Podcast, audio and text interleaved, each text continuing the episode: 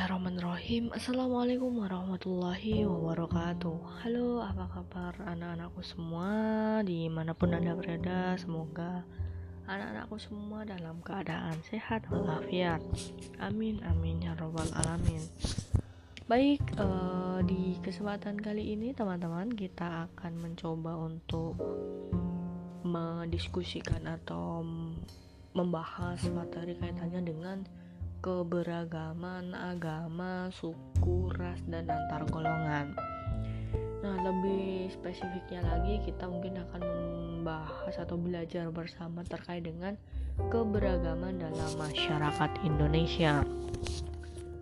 Nah, eh, terkait dengan keberagaman di oleh bangsa Indonesia, tentunya keberagaman yang dimiliki oleh bangsa Indonesia itu merupakan suatu anugerah dan ciri khas bangsa yang tidak ada uh, duanya artinya Indonesia itu memiliki keberagaman yang berbeda dengan bangsa lain. Nah, terkait dengan keberagaman ini harus kita jaga keutuhannya. Nah, salah satu penjaga keutuhan itu terletak atau ada uh, di dalam moto moto atau semboyan bangsa Indonesia yaitu Bhinneka Tunggal Ika. Terkait dengan makna ya, makna Bhinneka Tunggal Ika kita tahu bersama mungkin teman-teman juga sudah mengetahui bahwasannya Bhinneka Tunggal Ika itu berasal dari bahasa Sanskerta yang ditulis oleh Empu Tantular dalam kitab Sutasoma yang artinya berbeda-beda tetapi tetap satu jua. Nah, semboyan tunggal ika itu sejarah singkatnya ya kita flashback ke sejarah alasan mengapa kita menggunakan semboyan bineka tunggal ika sebagai moto bangsa kita hingga saat ini flashback ke masa lalu ketika bapak pendiri bangsa Indonesia uh, terus uh, pada saat merancang ya atau merumuskan uh, pada saat sidang BPUPKI. Nah, teman-teman ingat apa itu sidang BPUPKI? Badan Penyelidik Usaha-usaha Persiapan Kemerdekaan Indonesia yang diketuai oleh Dr. Rajiman Widyodingring Wid Widyo Diningrat dan pada saat rapat BPUPKI tersebutlah Muhammad Yamin mencetuskan ide semboyan Bhinneka Tunggal Ika kemudian dijadikanlah secara uh, dijadikan keputusan rapat pada saat sidang BPUPKI tersebut menjadi semboyan Bhinneka Tunggal Ika. Nah terkait dengan semboyan ini teman-teman ada dasar hukum yang kuat ya formal dasar hukum formal yang menyatakan semboyan Bhinneka Tunggal Ika itu terletak di pasal 36A dalam Undang-Undang Dasar NRI 1945 yang berbunyi bahwa uh, semboyan ya semboyan Bhinneka Tunggal Ika uh, pasal 36A bahwasanya lambang negara ialah Garuda Pancasila dan uh, semboyan bine, dengan semboyan Bhinneka Tunggal Ika. Nah, mengapa ini penting ketika semboyan Bhinneka Tunggal Ika itu menjadi apa diatur di dalam Undang-Undang Dasar 1945 pada dasarnya konstitusi yang dibuat oleh Bapak bangsa kita pada di Undang-Undang Dasar 195 itu rigid ya, artinya itu susah diubah dan juga di amandemen sehingga menjadi kokoh dan menjadi dasar kita dalam uh, menjalankan kehidupan bangsa. Sehingga tidak ada ya eh, pemikiran-pemikiran iseng dari bang uh, dari masyarakat Indonesia misalnya bahwa dengan seenaknya mengubah moto atau mengubah uh, semboyan Bhinneka Tunggal Ika karena itu sudah diatur di dalam Undang-Undang Dasar 1945. Sampai di, sini jelas ya teman-teman bahwasanya penting sekiranya untuk kita memahami jangan sampai uh, penyatuan ini itu terpecah belah karena hal-hal yang mungkin uh, ringan ya atau dari bisikan dari bangsa lain yang menginginkan kita untuk bercerai-berai jangan sampai seperti itu. Sehingga kita patut untuk belajar uh, lebih mendalam terkait dengan semboyan Bhinneka Tunggal Ika dan tidak hanya tidak hanya di buku saja kita harus terus menggali apa sebenarnya makna Bhinneka Tunggal Ika yang sehingga uh, kita dapat memahami secara keseluruhan terkait dengan makna Bhinneka Tunggal Ika. Nah, selanjutnya uh, berbicara terkait dengan peran Bhinneka Tunggal Ika bahwasanya peran yang pertama adalah menjaga keutuhan atau menjaga kesatuan NKRI, menjaga kesatuan negara Republik Negara Kesatuan Republik Indonesia. Nah, uh, kita tahu bahwa hmm, peran Bhinneka Tunggal Ika bagi kehidupan warga Indonesia yaitu digunakan untuk menjaga persatuan negara Indonesia. Hal ini dapat diketahui dari lambang negara burung Garuda yang mencengkram pita dengan tulisan Bhinneka Tunggal Ika Berdasarkan lambang tersebut, kita disadarkan bahwa Indonesia itu satu dan tidak boleh terpecah belah. B. Menciptakan persatuan di Indonesia. Nah, Indonesia uh, terdiri atas berbagai macam ras, suku, bangsa yang setiap sukunya itu memiliki ciri khas masing-masing. Nah, meski berbeda, uh, Bhinneka Tunggal Ika itu memiliki peran untuk menciptakan persatuan di Indonesia.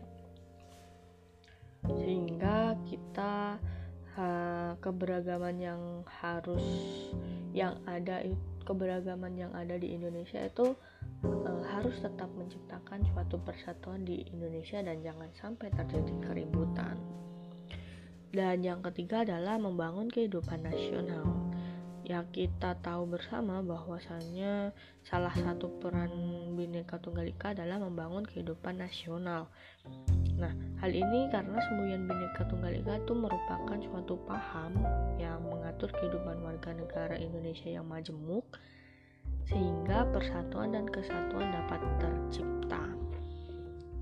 Nah, diharapkan dengan kehidupan warga yang negara yang beragam ini mampu membentuk kehidupan nasional yang aman, damai, tentram, dan tanpa perpecahan.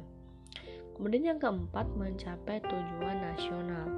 Nah, terkait dengan mencapai tujuan nasional, kita perlu ingat bahwasanya tujuan nasional bangsa Indonesia itu terletak di pas uh, di uh, pembukaan Undang-Undang Dasar 1945 alinea keempat yang menyatakan itu tujuan negara Indonesia didirikan dengan tujuan melindungi segenap bangsa Indonesia dan seluruh tumpah darah Indonesia dan memajukan kesejahteraan umum, mencerdaskan kehidupan bangsa, ikut melaksanakan ketertiban dunia dan sebagainya.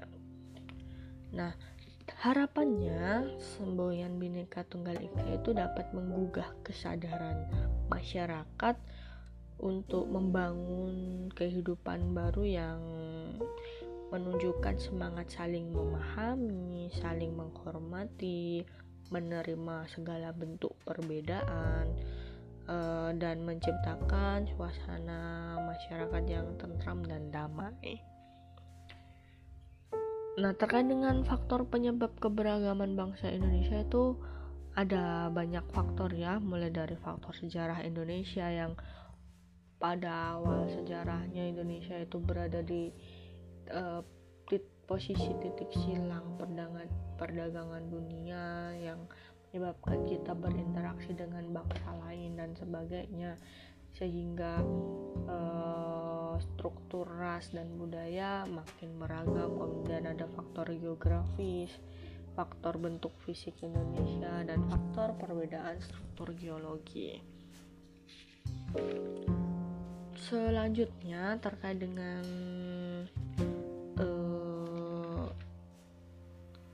macam-macam keberagaman ya. Ada keberagaman suku bangsa kemudian keberagaman budaya eh, ada rumah adat pakaian adat bahasa daerah kemudian ada eh, keberagaman agama dan kepercayaan ras antar golongan dan juga gender atau jenis kelamin Nah, selanjutnya apa sih arti penting memahami keberagaman dalam bingkai Bhinneka Tunggal Ika?